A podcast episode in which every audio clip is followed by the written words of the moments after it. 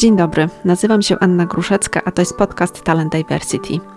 Podcast Talent Diversity to rozmowy z inspirującymi ludźmi o odkrywaniu siebie, ich rozwoju osobistym, kompetencjach, nawykach, talentach, które potem budują ich w roli eksperta, menadżera, lidera. O ich mocnych stronach i punktach zwrotnych, o tym jak działają, jak się realizują i o tym jak sami wspierają innych w rozwoju.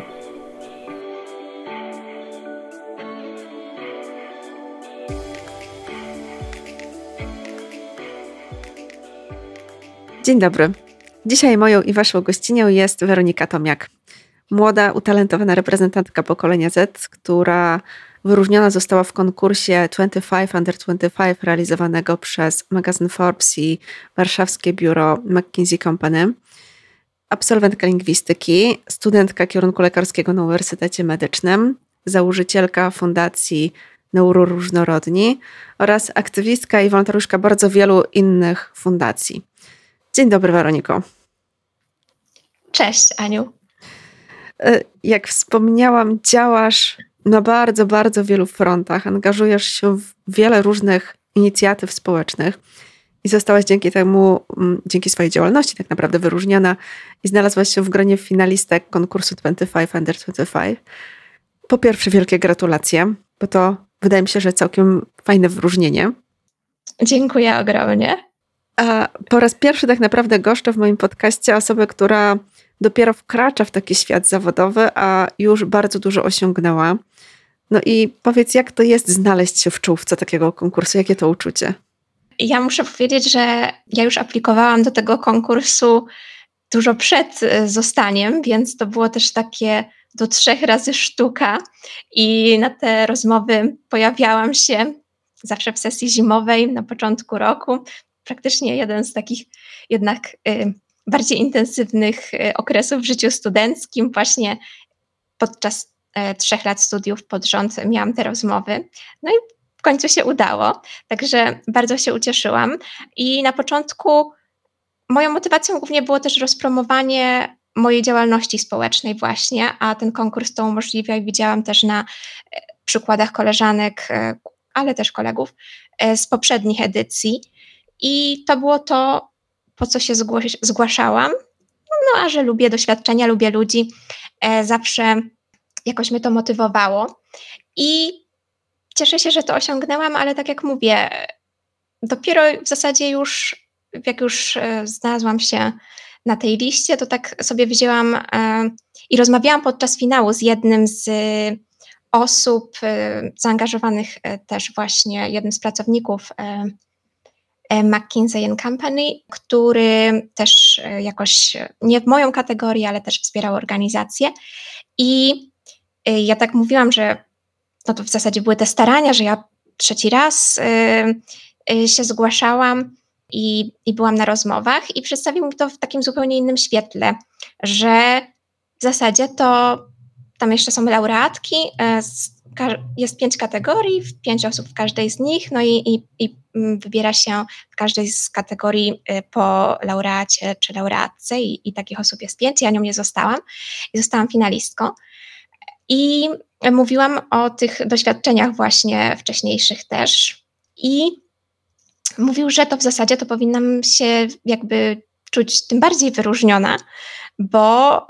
dostanie się na rozmowę to jest 50% tego, że się wejdzie na listę, takie, takie tam są statystyki. I, i utrzymanie tego przez trzy lata pod rząd, bycie w tej dziesiątce w Polsce w danej kategorii, to on stwierdził, że no w tym, w której on był, to takie rzeczy się nie zdarzały, że tam takie raczej krótkoterminowe, że parę miesięcy wcześniej się coś wydarzyło, czy jakiś grant, czy jakiś startup, coś takiego. I może ktoś drugi raz się, się, się zgłasza, czy drugi raz jest na rozmowach, ale właśnie e, i to była takie, taka zaskakująca perspektywa. I teraz też tak e, na to patrzę i zawsze zachęcam, a, a znam wiele osób, bo jednak co, coraz to nowa edycja, coraz więcej osób wie, e, żeby się zgłaszać i,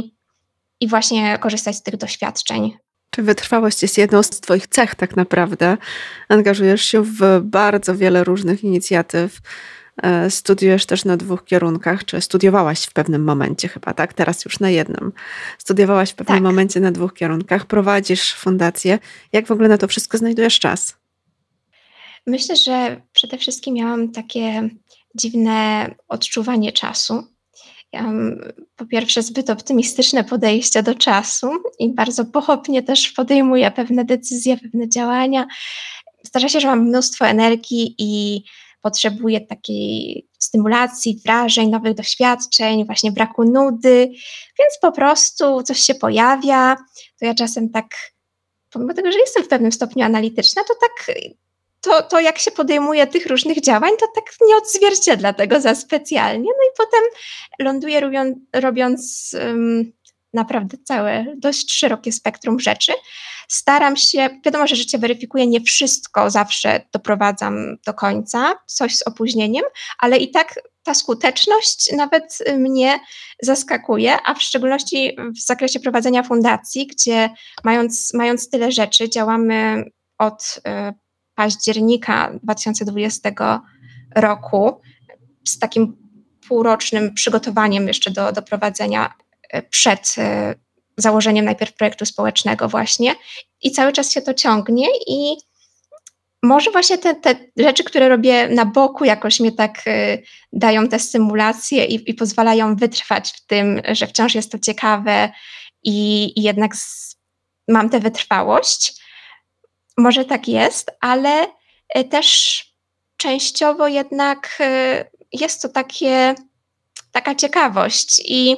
ja cały czas się uczę, jak to balansować, żeby sobie znaleźć odpowiednią ilość, żeby nie być znudzona, ale jednocześnie, żeby mieć te wrażenia. Bywa różnie, ale naprawdę z tych y, doświadczeń wiele zostaje i czasem dla mnie największą taką pasją są ludzie. I często to są rzeczy, które jakby wynikają z poprzednich działań, tak po do, do, do kłębka. I jeżeli są to jakieś osoby, które mm, po prostu już się sprawdziłam z nimi, czy znam, no to często, często się zgadzam i to też, też, też działa w drugą stronę zazwyczaj, ale to też jest moje takie postanowienie, y, jednak, żeby y, mówić, myśleć dwa razy, nim się, nim się powie tak, chociaż natury się też tak od razu nie zmieni. Tym bardziej, że ja też mam właśnie w aspekcie mojej e, działalności też i częściowo motywacja też wypływa z tego, że sama zostałam zdiagnozowana właśnie z ADHD i ta diagnoza też była dla mnie jakimś takim zaskoczeniem, więc to była najpierw taka eksploracja własna i dopiero potem taki feedback z otoczenia właśnie, że to jest potrzebne. I faktycznie osoby ADHD no, cechują się dużą e, poziomem kreatywności, faktycznie robieniem różnorodnych zadań, takim trochę pójściem na szerokość, a niekoniecznie na głębokość i sprawdza się to w wielu, wielu przypadkach. E, także Myślę, że to nie jest kwestia czasu, mam tyle samo co wszyscy inni, a wręcz patrząc, ile czasu poświęcam na. E, poświęcam, to jest najlepsze, co może być, ale jednak y, nigdy nie robię tego, czy bardzo rzadko robię to kosztem snu, takich jakichś podstawowych y, właśnie rzeczy, więc y, jednak, bo bardzo się to odbija potem na jakości i, i moim samozadowoleniu z, z wysiłku i po prostu nie, nie jestem w stanie w ten sposób funkcjonować. Okej, okay, czyli masz tyle samo czasu co inni, ale jednak robisz, mam takie ja poczucie, patrząc na to, co robisz, dużo więcej rzeczy niż taki przeciętny człowiek. Y, może rzeczywiście diagnoza ADHD jest tak naprawdę tutaj tym, co pomaga ci w tej różnorodności, utrzymaniem tej różnorodności. Myślę, że taka właśnie szybkość adaptacji, czy potrzeba zmian, a żyjemy w takim świecie, że no nie, nie sposób jest uniknąć zmian e, i dużo takiej jest niepewności mimo wszystko, mimo wszystko, mimo nawet jakichś takich prób kontroli tego, co y, wielu, y, wielu może blokować. A ja oczywiście no, do granicy jakiejś takiej, każdy ma jakąś wytrzymałość i, i wszystko można przeciążyć, ale jednak myślę, że ja dobrze funkcjonuję w takich szybkich zmianach i szybkim adoptowaniu e, się i adoptowaniu planów do zmieniających się, się warunków środowiska. Odnośnie tej fundacji, o której wspominałaś, jeszcze będę Cię pytała, bo jestem bardzo ciekawa, czym dokładnie się zajmujecie i w jaki sposób realizujecie swoje cele. Natomiast zanim to, to chciałabym się u Ciebie zapytać, e, co w ogóle nadaje kierunek Twojemu działaniu, jakie masz marzenia? Przede wszystkim i to już częściowo osiągam. To jest to, co myślę, pozwala mi iść do przodu. To jest to takie poczucie sprawczości, żeby jednak e, widzieć rezultaty swoich działań, czy i to w miarę szybko, chociaż jakiś. Do pewnego momentu oczywiście jestem cierpliwa, ale potrzebuję jakichś takich nawet małych zachęt, które, czy jakichś takich feedbacków, yy, to mogą być małe, drobne rzeczy, komentarz, czy, czy, czy wiadomość prywatna, czy, czy mogą być większe, jak właśnie na, na przykład takie, takie, takie zaproszenie do podcastu do ciebie, to, to w pewien sposób utwierdza mnie w tym przekonaniu, że jakby ten kierunek moich działań idzie w dobrą stronę, bo ja mam bardzo dużo motywacji wewnętrznej, ale jednak, żeby przebić czasem te niepewności, czy walczyć z tymi trudnościami, które się pojawia, im więcej się działa, tym jest ich więcej, to właśnie to mi e, pomaga. I ta reakcja z zewnątrz, gdzie w mojej ścieżce kariery, którą sobie wybrałam, jaką, jest, e, e, jaką są studia medyczne, długie i dość późno będę widzieć taki realny wpływ, że, że faktycznie będę ponosić i tę odpowiedzialność w pełni jako ja za pacjenta i tutaj ta droga kształcenia się jest długa, a działalność społeczna częściowo też w jakichś takich aspektach właśnie psychologii poznawczej i e, neurobiologii. Jest w tym obrębie, ale podchodzę do tego z drugiej strony i szybciej mogę uczyć się praktycznie, uczyć się w taki sposób, że widzę, że to już jest jakoś odbierane i faktycznie widzę te, te zmiany, której jakieś chociaż, chociaż małe za pomocą tych działań powstały, a nie jest to takie, takie zero-jedynkowe, że ja wkładam masę wysiłku z tym, że za kilka lat y, będzie to tak czy inaczej. Ja muszę sobie to tak dzielić, żeby mieć owszem coś długoterminowego i na to część energii, ale te krótkoterminowe y, rzeczy, co tutaj działalność społeczna akurat w kontraście do studiów medycznych jest tym elementem u mnie, dają szybsze rezultaty po prostu i są bardziej dostępne dla młodych osób. Czy ten kierunek, który sobie wybrałaś, kierunek medyczny, lingwistyka, neuroróżnorodność, działanie społeczne, to był taki kierunek, który od zawsze gdzieś miałaś w głowie i z taką premedytacją wybierałaś każdy z tych poszczególnych kafelków? Czy to jakoś, nie wiem, życie przyniosło? Myślę, że ja od dziecka naprawdę pasjonowałam się edukacją. Ja byłam, nie znosiłam, nie znosiłam e, chodzenia do przedszkola, potem jak już poszłam do szkoły, gdzie mogłam mieć swoje śniadanko, a, a nie, nie, że jakby miałam jakieś takie poczucie, że, że nie, że muszę się do wszystkiego dostosowywać, do tego, co jest jedzone. Ja w ogóle w przedszkolu najbardziej e, chciałam być na diecie bezglutenowej, żeby móc nosić sobie swoje własne, więc ja zawsze chciałam tak swoją drogą i e, miałam wysokie oczekiwania wobec systemu, które e, nawet jeszcze, ja chodziłam do gimnazjum, w tej, tej ścieżce kształcenia jeszcze to było przed przed jakimikolwiek realnymi skutkami reform. Ja i tak e, nawet wtedy e, miałam takie no, większe potrzeby edukacyjne czy w ogóle rozwojowe, mi się wydaje, w szczególności mieszkając w małej miejscowości, z której pochodzę, około 2000 mieszkańców, także to naprawdę była mała miejscowość i ja czułam, że e, ja po prostu na własną rękę sobie coś zorganizuję, czy, czy zaczęłam szukać, czy w pewien sposób czasem tak jak te algorytmy w mediach społecznościowych czy, czy, czy w internecie szerzej na nas działają, pewne rzeczy trafiały na mnie, tak? I najpierw było to y,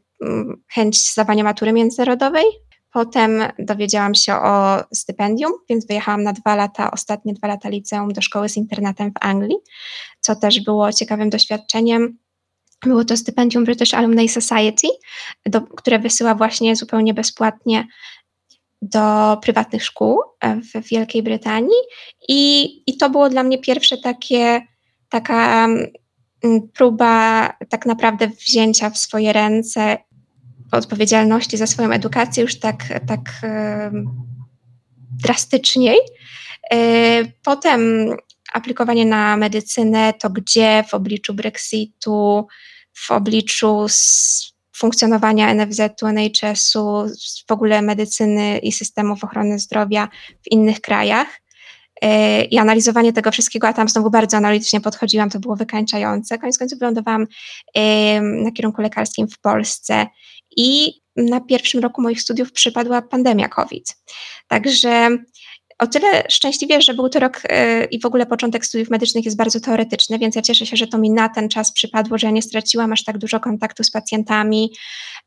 I były to naprawdę takie najbardziej komfortowe do nauki rzeczy po prostu książkowe, e, teoretyczne. No ale ile można siedzieć przed tym komputerem i, i się uczyć, więc. Yy, tym bardziej, że ja cały czas się nie poznałam, ja nie wiedziałam cały czas, czy ja zostanę i, i wciąż gdzieś tam z tyłu głowy rozważałam jakieś alternatywne rzeczy, czy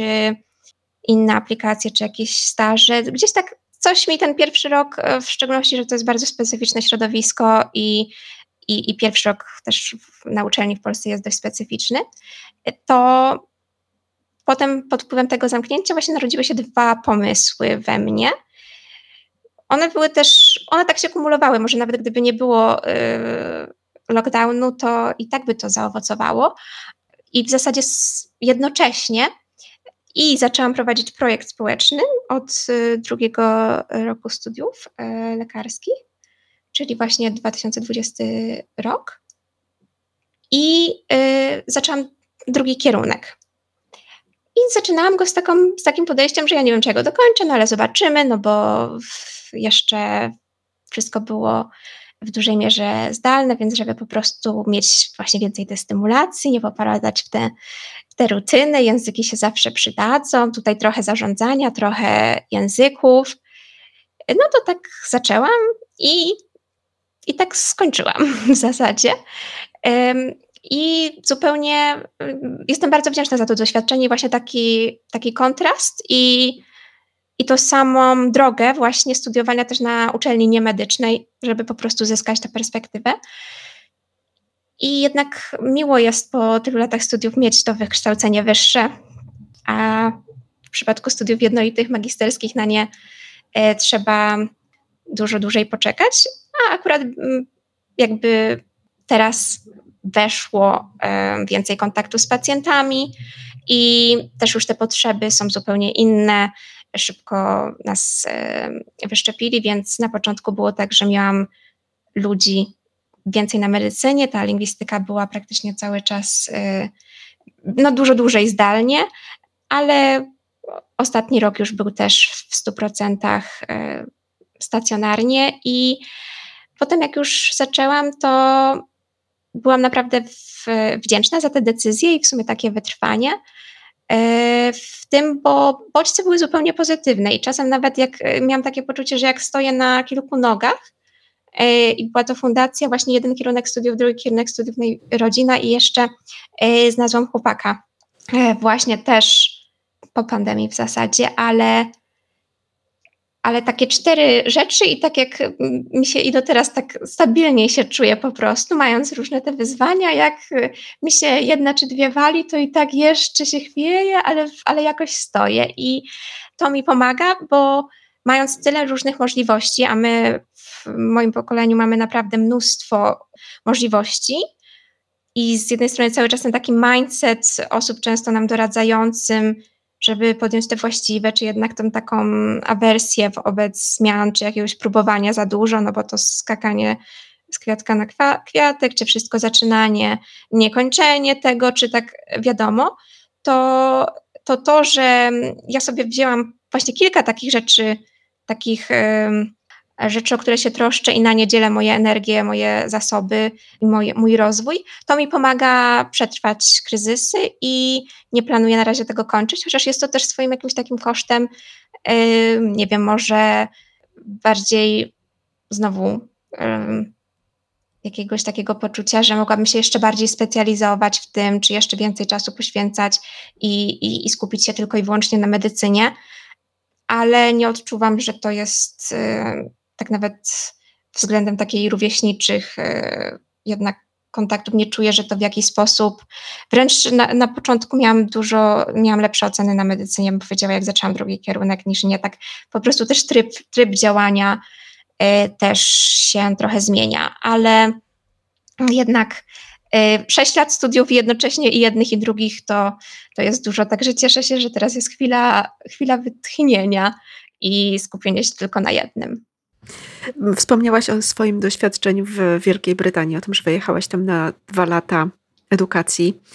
Jaka jest taka największa wartość, którą wzięłaś sobie z tego czasu, z tego doświadczenia? Relacje i to, jak nawiązywa, na, nawiązywane są e, relacje, jednak e, podczas takiego wyjazdu jest dla mnie ogromną wartością. Sam wyjazd i e, życie w akademiku czy w internacie ogólnie jako doświadczenie jest bardzo wzbogacające, a na etapie um, liceum, gdy często jednak studia są tym momentem, że, że się wyjeżdża, e, przyspieszenie tego jest dużą wartością dodaną, bym powiedziała, i to um, umiejętność, jakaś taka, nie wiem, otwartość, brak, brak lęku, nawet jakichś takich wewnętrznych przekonań e, właśnie na temat osób różnych narodowości, bo tam naprawdę było dość zróżnicowane to środowisko, w szczególności wśród osób mieszkających w internacie, bo tam była też e, szkoła w dużej mierze jednak dzienna, gdzie Anglicy jednak sobie po prostu wracali do domu e, każdego dnia, czy część wracała tylko na weekendy, ale było też wiele przypadków właśnie takich, czy to z Tajlandii, czy, czy z Chin, czy z, z Europy, też z różnych krajów, e, gdzie życie z tymi, z tymi osobami tak, tak blisko, jakby w jednym domu, chodzenie razem na zajęcia było na pewno naj, największą wartością, a ze względu na moje zainteresowania i też, też jakieś takie oczekiwania, potrzeby, e, to też doświadczenie innego systemu edukacji, który jest dużo bardziej ukierunkowany na decydowanie o sobie, yy, zawężanie swoich zainteresowań, wybieranie sobie przedmiotów. Yy, nie tak jak to było w przypadku, nie wiem, mojej pierwszej klasy liceum, gdzie miałam 16 czy 18 przedmiotów yy, w czasie roku. Tam miałam i standardem są trzy. Ja, ja, ja miałam na początku cztery, potem na pierwszym roku potem trzy.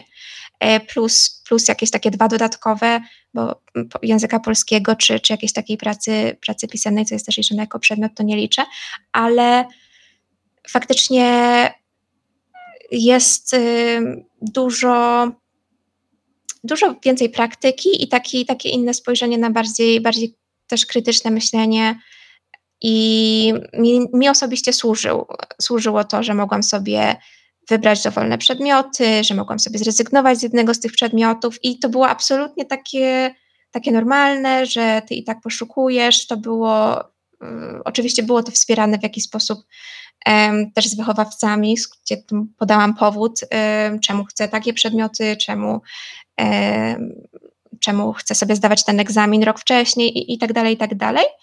Ale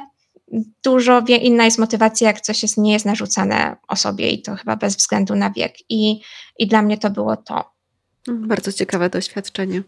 Nie ukrywam, że ja mam bardzo podobne za sobą, bo też e, w liceum trzy lata spędziłam we Francji za granicą, więc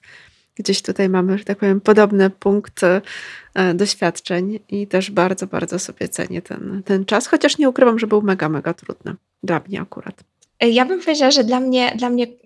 w zasadzie nawet powrót był jeszcze trudniejszy niż, niż sam wyjazd i, i to też jest takie, takie nietypowe, ale sama ta społeczność, bo my wyjeżdżamy, ja mówiłam właśnie ze Stowarzyszenia British Alumni Society, to jest Stowarzyszenie Absolwentów Brytyjskich w Polsce, y, Uniwersytetów Brytyjskich w Polsce i wyjeżdżamy zawsze jako grupa, to znaczy do różnych szkół, ale dany rocznik, który jest wyłoniony w klasyfikacji stypendialnej wyjeżdża. I na przykład z jedną z, ze stypendystek z mojego rocznika właśnie założyłam fundację i jakoś była zaangażowana teraz, teraz przechodzi do, do rady doradczej, ale y, faktycznie te początki były bardzo takie, y, no, że sa, sama nie byłabym w stanie tego zrobić, nawet jeżeli to był jakby mój pomysł, to, to ta weryfikacja i też jej doświadczenie, właśnie takie bardziej humanistyczne, bardziej społeczne też i, i, i humanistyczne było super wartościowe i e, właśnie takie osoby można też, też poznać, e, a zupełnie inaczej się poznaje tak, nie wiedząc o tym, że się poznaje przyszłą e, osobę, z którą się zakłada fundację, bo w wieku 16 lat no, to się nie myśli o takich rzeczach jednak. Nawet, nawet w moim przypadku nie, nie, nie, nie było to w jakichś planach czy nawet marzeniach. Mm, wracając do tematu neuroróżnorodności, bo mm, jesteś założycielką i prowadzisz Fundację Neuroróżnorodni, jak już powiedziałaś, taką iskrą i mm, takim pomysłem na to był fakt, że zostałaś zdiagnozowana e, ADHD. Jednak powiedz proszę, skąd taka chęć skupienia dłuższej uwagi na tym, na tym temacie? Bo z jednej strony wiadomo, że to jest temat bardzo ważny i można powiedzieć też bardzo popularny obecnie, dużo się o tym mówi, no ale jednak mm, założenie fundacji i działanie w tym obszarze to jest jeszcze coś innego. Dużo się teraz mówi, ale jeżeli mówimy o czasach, gdy faktycznie to był początek, gdy to się wszystko zaczęło, to w Polsce to była duża nisza i e, były też ogromne potrzeby, które nawet nie do końca były uświadomione, e, bym, bym powiedziała. I ja po pierwsze myślę, że tutaj dużą rolę odegrało samo moje doświadczenie i doświadczenie tych różnic w podejściu do edukacji pomiędzy Wielką Brytanią a Polską, Polską i Wielką Brytanią pomiędzy na różnych poziomach. Co prawda na poziomie edukacji wyższej nie studiowałam e, w Anglii, ale brałam udział w jakichś szkołach e, letnich czy, czy innych związanych, jakby prowadzonych przez uczelnie wyższe. No i miałam też osoby do dyskusji, porównywania, które jednak, a tak w większości się dzieje, w szczególności w przypadku y, kierunków niemedycznych, y, że osoby jednak zostają za granicą na studiach. I taki insight z pierwszej ręki, właśnie i relacja z, tych, y, z tej drogi edukacyjnej dla mnie był bardzo wartościowy i zauważyłam, jak ogromny deficyt e, struktur systemowych, czy w ogóle jakiejkolwiek, nie mówiąc już o świadomości, to my nie mieliśmy, przez brak tej świadomości, nie mieliśmy specjalnej otwartości na różnice różnego rodzaju. Jesteśmy dość takim homogennym, jednorodnym krajem i jeszcze o tyle, o ile jeżeli to w jakiś sposób się przeradza bezpośrednio na, na zyski czy na jakieś wytyczne, jakby też zupełnie inaczej to wygląda w przypadku biznesu, korporacji,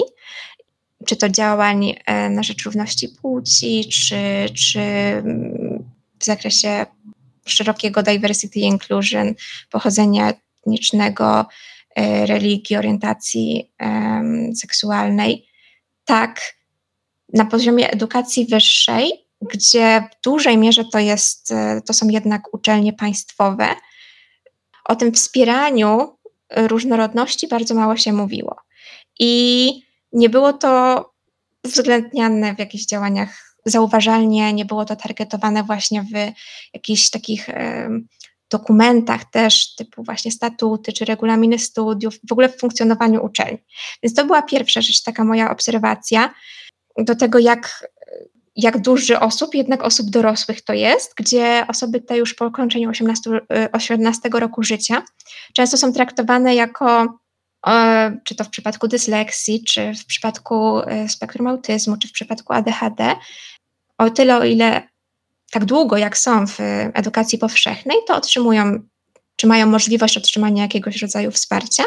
Tak y, jest to w wielu przypadkach postrzegane, że to właśnie wraz z ukończeniem tej szkoły średniej i tej e, edukacji powszechnej, to się magicznie jakoś kończy, się magicznie wyrasta i już, już potem się we wszystkim e, trzeba dostosować do uczelni i jest mało jakichś takich e, form, w szczególności bez legitymowania się orzeczeniem o stopniu niepełnosprawności, o tym, jak działa ten system,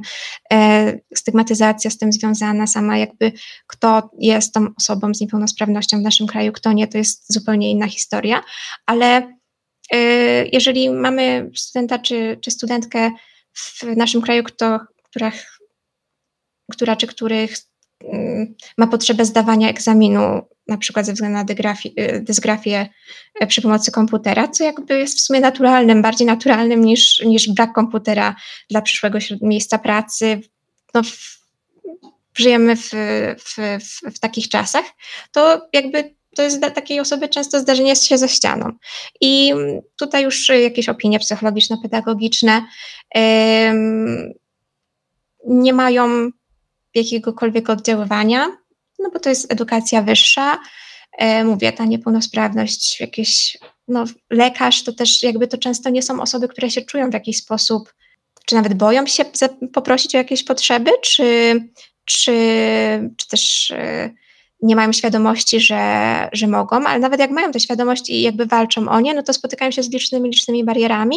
na różnym polu, a te potrzeby są, są, są też różne. A powiedz proszę, jakie są w ogóle cele tej fundacji? W jaki sposób wy działacie? Co robicie na rzecz neuroróżnorodności? Ja zaczęłam, e, tak starałam się mierzyć siły na zamiary e, i myśleć o tym, jak ja e, w wieku 20 lat wtedy co ja mogę zrobić właściwie. No i doszłam do takiego wniosku właśnie e, wspólnie z tą, e, wspólnie z Zuzią, z którą e, założyłyśmy i, i, i, dyskutowałyśmy też, ona studiowała właśnie na Cambridge, gdzie też mówiła mi o, o tym, jak na jakby tej topowej uczelni światowej,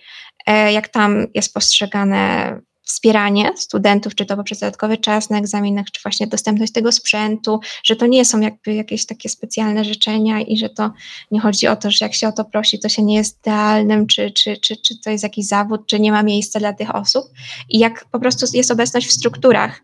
i w zasadach działania, funkcjonowania są osoby, do które, które jakby zapewniają takie wsparcie i jakby są wypracowane procedury. U nas tego kompletnie nie było, więc ja stwierdziłam, że pierwsze co to i to, co ja mogę zrobić, co my, co my możemy zrobić, no to to jest kampania świadomościowa. No i to też był trudny czas do organizowania jednak jakichś takich stacjonarnych yy, wydarzeń, nie mówiąc już o pozyskiwaniu na to, na to środków, bo była walka z pandemią, już, już trochę później, ale jednak wciąż miałam też potem takie poczucie, że wojna na Ukrainie jednak takie, było, był bardzo taki dynamiczny e, czas właśnie, gdzie to też jakby priorytety też, też, są, też są w różny sposób e, wyważane, ale zaczęłam od, e, od zainicjowania właśnie tej kampanii społecznej. Bardzo, coraz więcej osób się właśnie dołączało, więc wspólnie działaliśmy i zaskakiwały nas naprawdę czasem na każdym kroku, w szczególności jak ludzie byli bardzo zależni od e, internetu i spędzali tam mnóstwo czasu, bo i praca zdalna i e, te zasięgi, które generowaliśmy ten odzew, który się pojawił, osoby nadsyłające własne historie i własne doświadczenia, anonimowo bądź nie, własne historie neuroatypowe i doświadczenia, czy to właśnie z uczelni, czy z miejsc pracy, takie płynące po prostu od potrzeb, które są adekwatne do naszego takiego środowiska polskiego, bo jest wiele oczywiście już opracowań, to jest też bardzo dynamicznie rozwijający się w takim anglosaskim języku temat, dużo wcześniej niż w Polsce, ale często są to e, jakby wnioski osadzone w, dla innego systemu edukacji i nauki, e, dla innej kultury e, organizacji w wielu przypadkach, które czasem są jest próba prze, przełożenia ich tutaj do nas, ale to raz, że czas i, i funkcjonowanie systemu, bo my, my, nie, my, nie, działamy w oderwaniu od niego i, i takiej naszej świadomości tożsamości też narodowej też jest inne, więc e, to się znalazło, to znalazło duże zainteresowanie, no i tak e, powoli, powoli rosnęliśmy w siłę aż do marca 2022 roku, kiedy to nastąpiła formalizacja właśnie z projektu społecznego dość późno. Ja też y, ze względów właśnie na te obawy i takie administracyjne i, i finansowe. Też e, w jakiś sposób nie, nie, nie aż tak pałałam się do formalizacji i, i zakładania organizacji pozarządowej, ale no jest to nieuchronna droga, jeżeli chcemy się dalej rozwijać, a my chcemy i to cały czas był taki, takie, cały czas działa, działaliśmy w takim poczuciu, że budujemy grunt, jak, często jako osoby młode, zainteresowane właśnie kierunkami typu neuronauki, psychologia, kierunki medyczne, nauki społeczne, że sobie też nie mając teraz poczucia sprawczości i wpływu też na polskie otoczenie właśnie gospodarczo-polityczne, budujemy sobie po prostu grunt i uczymy się jak najwięcej przy tym, przy okazji, żeby potem w przyszłości móc realnie wprowadzać coraz to większe zmiany. I tak oczywiście e, mam wielką nadzieję na e, zmiany refundacji e, farmakoterapii właśnie dla osób dorosłych, gdzie nie są one objęte refundacją właśnie w przypadku farmakoterapii ADHD, co może mieć liczne i też nie liczymy tego, mało jest badań, więc też często udostępniamy badania, czy jakby wspieramy w tym, w tym e, zakresie e, osoby prowadzące, skupiamy tę tematykę właśnie i osoby zainteresowane tematem. E, na przykład może mieć to konsekwencje na, na nie wiem, ilość wypadków na drodze, tak, czy jakby koncentracji, no różne, różne metody też, czy to, czy to terapii tradycyjnej, czy, czy właśnie farmakoterapii są dostępne, a często przez brak wykwalifikowanych specjalistów, czy brak świadomości, czy bariery finansowe, y, no po prostu osoby nie są w stanie z tego skorzystać i, i to jest ogromny pro, problem u nas, który stopniowo, stopniowo jakoś coś, coś chociaż miałam poczucie, że po prostu coś chcę zrobić, no i fundacja była tego jakimś takim, do tego jakimś takim narzędziem. Jak można Was wesprzeć w tej fundacji, powiedz? Teraz już mamy sporo rąk na pokładzie i tworzymy dwa organy. Jedna to jest właśnie wsparcie wolontaryjne, ale też bardzo trudno jest, w szczególności nie mając doświadczenia, y, zarządzać też w takim zdalnym, bo, bo nie stać nas właśnie na, na wynajem biura. Wciąż są takie, takie wyzwania właśnie Jesteśmy fundacją bez prowadzenia działalności gospodarczej i, i to poczucie, ile można robić na zasadzie wolontariatu, inwestowania właśnie e, czasu, zasobów, energii i, i też rozwoju, e, no jednak to też jest w pewien sposób droga do wypalenia, więc moim celem jest to, żeby jednak doprowadzić do takiej sytuacji, co, co teraz po skończeniu drugiego kierunku mam nadzieję, że, że będzie to prostsze, żeby po prostu zapewnić e, taką sytuację finansową, żeby chociaż na pół etatu, a, a optymalnie na, na cały etat, żebyśmy byli w stanie zatrudnić e, jakąś osobę, bo na ten moment nie było to możliwe. I żeby po prostu odciążyć z takich rzeczy administracyjno e, PR-owych, bo jednak prowadzenie mediów społecznościowych, ta kampania, ten kontekst z otoczenia wciąż jest dla nas ważny, a to to wszystko ogranicza te, te działania i, i te zasoby. Są ograniczone, w szczególności, że każdy ma jakieś swoje, czy to studia, czy pracę, i to jest zajęciem dorywczym. No i to znajduje po prostu odbicie, e, pomimo najlepszych chęci i zapału do pracy, e, czasem w faktycznie tempie e, działania, czy, czy, czy tego, że no nie jesteśmy w stanie odzwierciedlać naszych zamiarów w takim, takiej pojemności sił, ale tutaj e, już właśnie wykorzystanie też potencjału tych osób poprzez lepsze, lepsze nimi zarządzanie w różnych, różnych działach i takie stworzenie takiego community, na czym mi bardzo zależało, po prostu osób, które e, są zainteresowane tematem, e, są już wdrożone. Obecnie mamy, mamy osoby wolontaryjne w trakcie onboardingu, ale które mogą też ciągnąć to dalej w swoich otoczeniach właśnie i, i jakoś postulować o te zmiany oddolnie. To też jest taka, takie, taki mindset. Y, I, i przede wszystkim no to też będzie znajdować, jeżeli będziemy mieć lepszą sytuację finansową i tą taką wewnętrzną, organizacyjną, żeby po prostu sprawnie działać jako organizacja, która się naprawdę rozrasta i, e, i to nie jest biznes, to nie jest firma, chociaż w dużej mierze wiele rzeczy oprócz nadrzędnego celu generowania zysków jest bardzo, jest bardzo wspólne, bo i tak e, administracyjne prace, czy właśnie e, docierania, e, właśnie outreachu, czy, czy jakby współpracy z ludźmi, z partnerami są wspólne. Także to jest bardzo dużo pracy i fajnie, żeby to było i, I taki jest też cel na ten 2024 rok, żeby jak najbardziej to usprawnić, żeby prowadzić coraz więcej działań, bo tak w marcu mm, e, wraz z Tiną Sopucińską właśnie zorganizowaliśmy konferencję Neuroróżnorodne Miejsca Pracy, gdzie też być może kontynuacja jej się odbędzie w, w jakimś czasie w przyszłości, ale to wszystko jednak pochłania zasoby. Ja bym chciała tak to optymalnie doprowadzić do takiego, żeby działanie w jednej dziedzinie nie osłabiało aż tak bardzo rozwoju jakby w innej, że jak organizujemy e, wydarzenie czy realizujemy inny grant, to od razu nasza współpraca z wydawnictwami, które się kontaktują e, w celu e, recenzowania jakichś publikacji w tej tematyce, czy osób prowadzących badania w tej tematyce, to wszystko wymaga ogromnego nakładu sił przez osoby, które są po godzinach wdrożone w sposób funkcjonowania i tę tematykę. I, I, często jednak nie ukrywajmy, że wolontariat jest tym, co w, w czasach kryzysu to jest to, co najprawdopodobniej jest pierwsze na liście do zrezygnowania w razie jakich, jakichś trudności, y, czy to, czy to finansowych, czy, czy czasowych. Także jest wiele wyzwań, ale przede wszystkim ratuje i wciąż jestem, naprawdę jestem czasem, jak sobie tak, takie refleksje prowadzę na tym, gdzie byłam i gdzie fundacja była w zeszłym roku i, i dwa lata temu, jakie to są i tak ogromne kamienie milowe dokonane praktycznie na zerowym budżecie przez długi czas. E, konferencja na różne miejsca pracy faktycznie tak była prowadzona tylko na zasadzie współpracy z partnerami. Teraz jesienią organizowaliśmy warsztaty, tutaj mieliśmy mini grant na to i, i to pozwoliło na realizację tego, ale ogólnie to E, I to jest e, inny sposób na, na poprawę sytuacji. To jest też e, po prostu wyjście i, i pozyskiwanie środków na działalność statutową właśnie do organizacji pozarządowych i, i biznesu właśnie okay. z ofertą warsztatową, więc to jest kolejna, kolejna rzecz, ale i tutaj jest zainteresowanie, z czego się bardzo cieszymy, ale właśnie po prostu organizacja i to, żeby to nie kolidowało z innymi działaniami i jednak było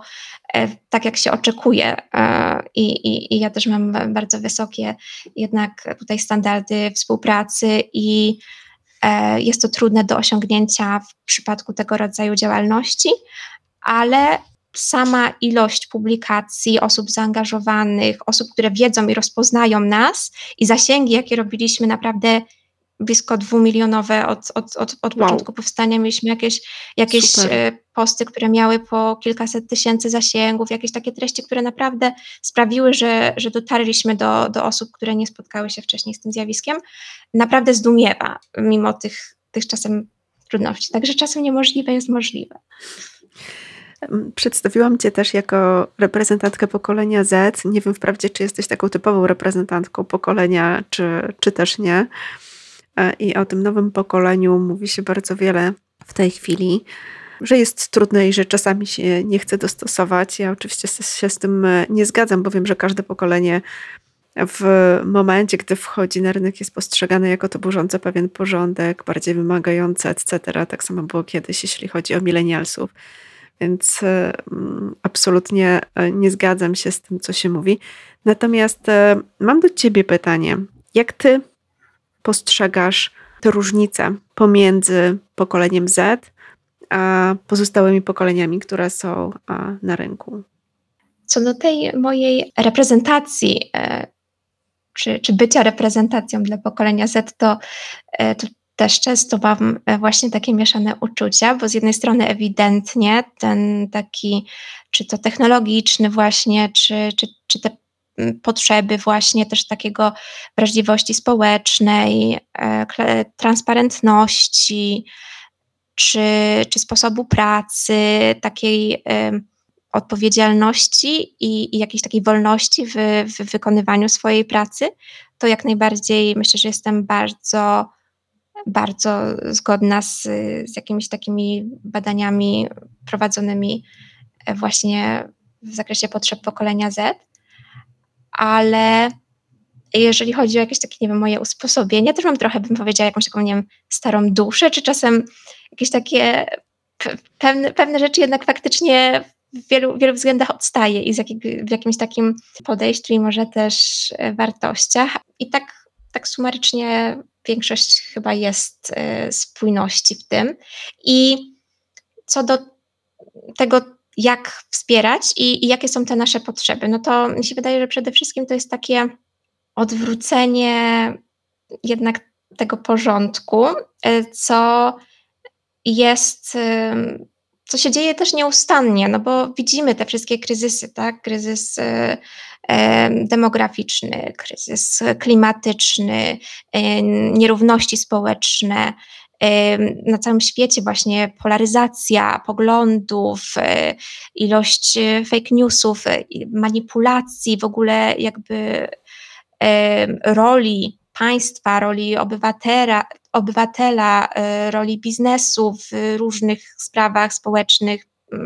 e, prywatne, prywatyzacja, e, funkcjonowanie państwowych różnych rozwiązań i, i usług. To jest ogromne pole wyzwań, które się w obliczu tych wszystkich zmian trochę załamuje i wydaje, że pokolenie Z jednak nie lubi ściemy w, w, też w nazywaniu rzeczy po imieniu, czy jakimś takim przyznaniu się, nie po to, żeby wskazać winnego, bo mi się wydaje, że te poprzednie często było takie panujące przekonanie, że to, to chodzi o, o właśnie wskazanie tego winowajcy, czy jakby no, po prostu przekazywanie zasobów y, i poświęcanie energii nie temu, żeby rozwiązać problem, tylko żeby dowiedzieć się, kto go stworzył, czy, czy czemu on w ogóle powstał i, i temu dochodzenie. To mi się wydaje, że to jest jednak y, coś, co mniej się dane osoby, często młode, skupiają. To, to jak, jak wyglądają ich potrzeby i, i też, y, też funkcjonowanie, to bym powiedziała, że to zależy, bo jak sobie spojrzymy na ceny mieszkań i, jednak te trendy takie mm, związane z tym, że my często jednak w naszym kraju dość szybko się e, usamodzielniamy i, i, i, i jeszcze jednak osoby młode e, dość szybko wyprowadzają się z domu i, i mamy jeszcze takie duże poczucie e, tego, żeby odpowiadać za swoje życie. Wiele osób łączy studia z pracą, jakoś tak no, stara się to wszystko wykonywać, to, to też często jest postrzegana jako taka mm, wiem, bezczelność, czy właśnie roszczeniowość i, i też, się, też się z tym zupełnie nie zgadzam, ale e, no to jest nieuchronny jakiś taki poziom, poziom, poziom starć, więc ja mi się, mi się wydaje, że przede wszystkim to jakieś takie e, komunikacja, najlepiej jednak face to face, pomimo tego, jak my byśmy bardzo nie lubili wiadomości pisemnych i y, często też ta różnica właśnie, że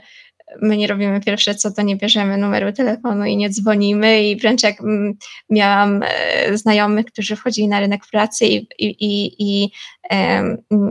mieli zajęcia właśnie związane z dzwonieniem, to mówili, że to było najgorsze w ogóle samo to przedstawienie się, czy wykonywanie telefonów dziennie. Czyli to my powinniśmy wykonać ten, ten ruch i zadzwonić, tak? Żeby face to face porozmawiać może, Może i tak, ale też, też jednak te spotkania, potrzebujemy tego. Y, nawet przy, przy pracy niby jest coraz więcej um, możliwości pracy zdalnej czy, czy hybrydowej. Hybrydowa jest tam, moim zdaniem z, zupełnie super, ale jednak budowanie i praca w zespołach, co jest nieuniknione w takich e, bardzo rozproszonych jest ogromnym wyzwaniem, więc albo adresowanie y, po prostu tych potrzeb y, na, na takim porządku dziennym, albo y, jednak takie zachęcanie i, i, i, jednak spotykanie się, no to nic tego nie zastąpi, więc to, to bez względu na pokolenie i to może posłużyć lepszemu właśnie poznaniu się, wypracować lepsze, lepszą komunikację i jakoś tak zrozumieć, że oczekiwania wynikają właśnie z z jakiejś takiej poczucia sprawiedliwości, czy właśnie tego, żeby, żeby po prostu nazywać rzeczy po imieniu, czy jakiejś takiej transparentności w tym, w tym jak to w tym, jak pewne, pewne rzeczy e, wyglądają. E, I tutaj też na poziomie wartości, gdzie wartościami są e, właśnie sposób komunikacji, otwartość, zrozumienie, zaimki, potrzeby właśnie wynikające z zgodzenia jakby różnych sfer życia i po prostu takie holistyczne, holistyczne ocenianie, mi się wydaje, to też oczywiście zależy, zależy od danego y, zawodu, ale nie sposób, w jaki ktoś coś zrobi, tylko efekt też y, i, i, spojrzenie na to, bo często jak widzimy nieznany sposób wykonywania czegoś czy, czy, czy działania, to się boimy, no bo ma, mamy tę awersję wobec zmian, a zawsze tak, zazwyczaj tak było, czy, czy ja, czy mentor robił tak, a nie inaczej, no i, i jednak może to budzić jakieś takie wątpliwości czy poczucie niepewności y, u, u młodej osoby, która chce spróbować czegoś innego, a takie nawet czy to się y, zakończy sukcesem, czy, czy jakimiś e, potrzebą poprawek, to jest bardzo wartościowe, żeby po prostu próbować i, i też y, samemu doprowadzić do jakichś efektów, które mogą być droga właśnie może być nieoczekiwana, a jednak e, czasem rezultat może zaskoczyć. I e, takie zaufanie, a jednak zaufania nam brakuje, i my, i, i, badania to też pokazują społeczne, że my w ogóle nie ufamy sobie. I to też e, ostatnio byłam na spotkaniu z taką właśnie panią z Ameryki Łacińskiej, która przyjechała z Meksyku i od półtorej roku mieszka w, w naszym kraju, mówiła, że właśnie nie, nie dość, że wiadomo, my nie jesteśmy takimi, takimi słonecznymi osobami, że tam tu dzień dobry i, i, i pełno anegdot i wszyscy super, tylko że faktycznie tacy jesteśmy no y, dość ponurzy i, i jednak y, ten nastrój i, i, to poczucie szczęścia na ulicach jest mniej zauważalne niż, niż często w innych krajach, to mówiła, że przede wszystkim e, dla, dla niej ogromną barierą była właśnie brak zaufania. I ja już e, wtedy nie było za bardzo przestrzeni, ale to nie, moim zdaniem to nie było to, że, że e, nie, nie zaufano jej jako osobie, która przyjechała z innego kraju i nagle tutaj zarządza jakimś miejscem pracy, tylko to wynikało z tego, że my po prostu nie ufamy. My, my nie ufamy politykom, my nie ufamy y, sąsiadom, my nie ufamy w ogóle sobie nawzajem. A to jest podstawa relacji, podstawa efektywnej współpracy. A jak jeszcze sobie będziemy się skupiać na tych y, różnicach, właśnie czy to w y, politycznych, czy różnicach w wieku, kto z jakiego pokolenia, kto z jakim, jakim wykształceniem, kto z jakim stażem pracy, kto z jakim y, statusem finansowym, kto z jakim statusem w ogóle funkcjonowania z dziećmi, bez dzieci, e, niepełnosprawność, właśnie e, jakieś e, kryzysy zdrowia psychicznego, czy jakieś potrzeby zajęcia się rodziną, czy to młodszymi, czy starszymi, to wszystko jest tak kompleksowe i wpływa na nasze funkcjonowanie, także w takich warunkach zawodowych, że potrzeba ogromnej wrażliwości i takiego zaufania, żeby żebyśmy nie musieli sobie tłumaczyć niepotrzebnych rzeczy i po prostu mogli się skupić na działaniu. Myślę, że to wszystkim pomoże innym pokoleniom także. W ogóle bardzo ciekawe jest to, co powiedziałaś i też takie bardzo zgodne z tym, co ja myślę, że my się skupiamy na tym, żeby pokazać różnice, to, to co różni pokolenie Z od innych pokoleń, etc., zamiast popatrzeć na to, co nas łączy. Tak, a łączy nas odpowiedzialność jednak za ten kraj, w ogóle za, za, za rozwój, za jakąś też taką społeczność lokalną. E, o tyle, o ile co do przynależności każdy ma jakiś różny wzgląd, to jednak mamy takie przywiązanie do, do tego, skąd się wywodzimy, czy, czy do ludzi, których znaliśmy. Zetki też tak mają, właśnie jak obserwujesz swoich kolegów i koleżanki. Teraz się właśnie też, też zastanawiam, do jakiego stopnia to jest takie jednostkowe, a do jakiego stopnia to jest e, ogólny taki trend, którego można doświadczyć. Z mojej, z mojej perspektywy tak, no ja mam, na, ja mam naprawdę duży sentyment moich, ale nie no, widać do wszystkich programów, w których brałam udział i, i jestem absolwentką, czy szkół właśnie, do których chodziłam. E, cały czas utrzymuję kontakty, czy, czy do miejsc, e, w których mieszkałam, znajomych, nie wiem, nawet znajomych moich rodziców, których e, nie spotykam, a, a, a kiedyś dość często widywałam. Jakby to budzi takie zainteresowanie. I nie chodzi tu o wścibskość, tylko właśnie o taką, takie poczucie poczucie wspólnoty. I y, tak jak powiedziałaś, my się, my się bardzo skupiamy na tych różnicach. A paradoksalnie również w neuroróżnorodności chodzi o to, żeby skupiać się na tym, co nas łączy. I neuroróżnorodni jesteśmy wszyscy, no bo każdy umysł funkcjonuje inaczej, nie ma dwóch takich samych e, umysłów. W różny sposób komunikują się one z naszym ciałem i to, to widać, a my sobie tego tak nie uświadamiamy. I e, nawet w tym samym pomieszczeniu o, jednemu telewizor za głośno, drugiemu za cicho, czy jeden się rozbiera, e, drugi za, marznie, zakłada jeszcze kolejny sweter i to jest zauważalne, ale my jesteśmy tak jednak no, standaryzacja jest najprostsza i mamy tyle wyzwań, z którymi się mierzymy, więc najłatwiej jest po prostu wystandaryzować, czy to testy y, osiągnięć, czy formy rekrutacji pracowników, czy, czy sposób wychowania dzieci, czy sposób y, nie wiem, wizyty u lekarza, że, że po prostu patrzymy i to jest dostosowywane do większości, a trochę, um, trochę, nie mi, trochę nie mieliśmy i to mam nadzieję nastąpi w przyszłości, że będziemy bardziej indywidualizować i włączać e, też te osoby, które nie do końca są tą większością e, i mają jakieś swoje potrzeby, e, żeby być na tyle elastycznym, żeby, e, żeby po prostu nie zamykać się na nie i, i nie stwarzać jakichś niepotrzebnych barier, bo ilościowo możemy być zaspokojeni, ale jakość e, tego i, i ten koszt, który taka dana jednostka e, musi ponieść, żeby się zarekrutować do danego miejsca, czy żeby skończyć dany etap edukacji, e, musi przejść, e, może być ogromny. Więc e, to jest takie moje, moja taka wizja, że po prostu świat się skomplikował, ale my też e, coraz bardziej się rozwijamy, więc będziemy w stanie nadążyć nad tym skomplikowaniem poprzez indywidualizację i takie rozwiązania szyte na miarę, czy jakby większą uważność na drugiego człowieka i to zaufanie, niż traktowanie wszystkim tak jak w epoce przemysłowej, tak i się nauczyliśmy masówki i, i jakby podejściem fabryki kontynuujemy po prostu funkcjonowanie w tym świecie w wielu obszarach, co nie do końca działa. Weroniko, bardzo Ci dziękuję. Bardzo Ci dziękuję za rozmowę, za um, taki wgląd w to, jak wygląda Twoje życie, jak wyglądają Twoje cele, to czym się zajmujesz. Powiedz jeszcze, mam jeszcze dwa pytania na koniec. Jaki właśnie taki kolejny Twój cel życiowy, zawodowy, który przed sobą stawiasz na najbliższy czas? Czym będziesz się zajmowała? Ja chcę ochłonąć po intensywności i TEDxa i e, wrażeń fundacyjno-studenckich i jeszcze e, innych organizacjach, jednocześnie, jednocześnie nie zwalniając, więc to jest to wyzwanie. I chcę uporządkować, bo, bo bo faktycznie e, już robię dużo, jestem zadowolona z tego, co robię. Nie chcę, nie chcę dokładać aż tak dużo e, do tego. Już, już mam tutaj e, dużo stymulacji, więc jest fajnie, ale chcę to po prostu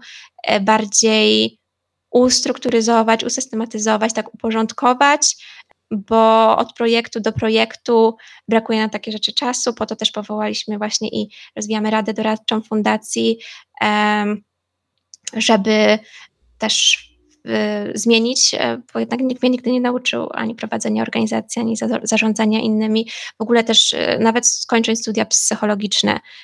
i, i w obecnej systemie program nie przygotowuje do, do edukowania w tym temacie. To jest w ogóle sama wiedza i, i zgłębianie tematu. E, edukacja jest oparta na mojej determinacji, dodatkowych kursach, literaturze i takim samorozwoju, co też jest wymagało sporo wytrwałości, jakimś taki, takiego samozaparcia, e, ale miałam to poczucie, że to jest moje i, i, i ja o tym decyduję i to się napędzało dalej, więc chcę po prostu tak to uporządkować i, i, i dalej może tak bardziej, bardziej strategicznie rozwijać. Do tego Ci życzę w takim razie uporządkowania i, i rozwoju dalszego w tym kierunku, który sobie wyznaczysz. A powiedz drugie pytanie. E, gdzie Cię można znaleźć? Gdzie Cię można skontaktować? Gdzie być może można skontaktować fundację? E, zapraszamy. Najpierw ja jako e, Weronika. Moż, można mnie znaleźć na LinkedInie, na Facebooku, Instagramie. Instagram Kelly, podłoga Weronika. Reszta bez zaskoczeń. Podlinkujemy. Tak. I fundacja przede wszystkim. Facebook, tam jest nas najwięcej, ale też Instagram. Serdecznie zapraszamy. E, Neurodiversity Movement.pl e, i strona internetowa, która też e, już mamy osobę odpowiedzialną za jej jeszcze też modernizację i dostosowania, aby była jeszcze bardziej przyjazna dla naszych umysłów,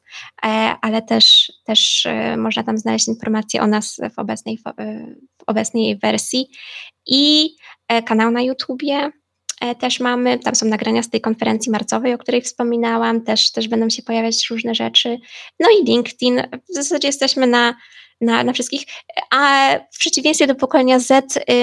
nie bywam na TikToku, to znaczy mam konto, ale, ale tam akurat y, tam mnie nie znajdziecie, także zobaczymy, może w przyszłym roku. Może jest to dokładnie kolejny, kolejny element, kolejna cegiełka, którą, którą dołożysz. Weroniko, jeszcze raz bardzo Ci dziękuję. Bardzo ciekawa rozmowa, bardzo dla mnie samej inspirująca. Także życzę Ci powodzenia w dalszych Twoich działaniach, zarówno na tym, w tym obszarze medycznym, zawodowym, ale też związanym z neuroróżnorodnością, z fundacją. Dziękuję i do zobaczenia. Dziękuję Ci, Aniu, za zaproszenie i, i super rozmowę i dziękuję wszystkim słuchaczom. Bardzo też dla mnie pobudzająca do refleksji, co się nie spodziewałam całkowicie, dochodzenia do takich właśnie przemyśleń i, i wniosków podczas tej rozmowy. Także dziękuję za przeprowadzenie jej w ten sposób. Jeszcze raz Ci dziękuję również. Do zobaczenia.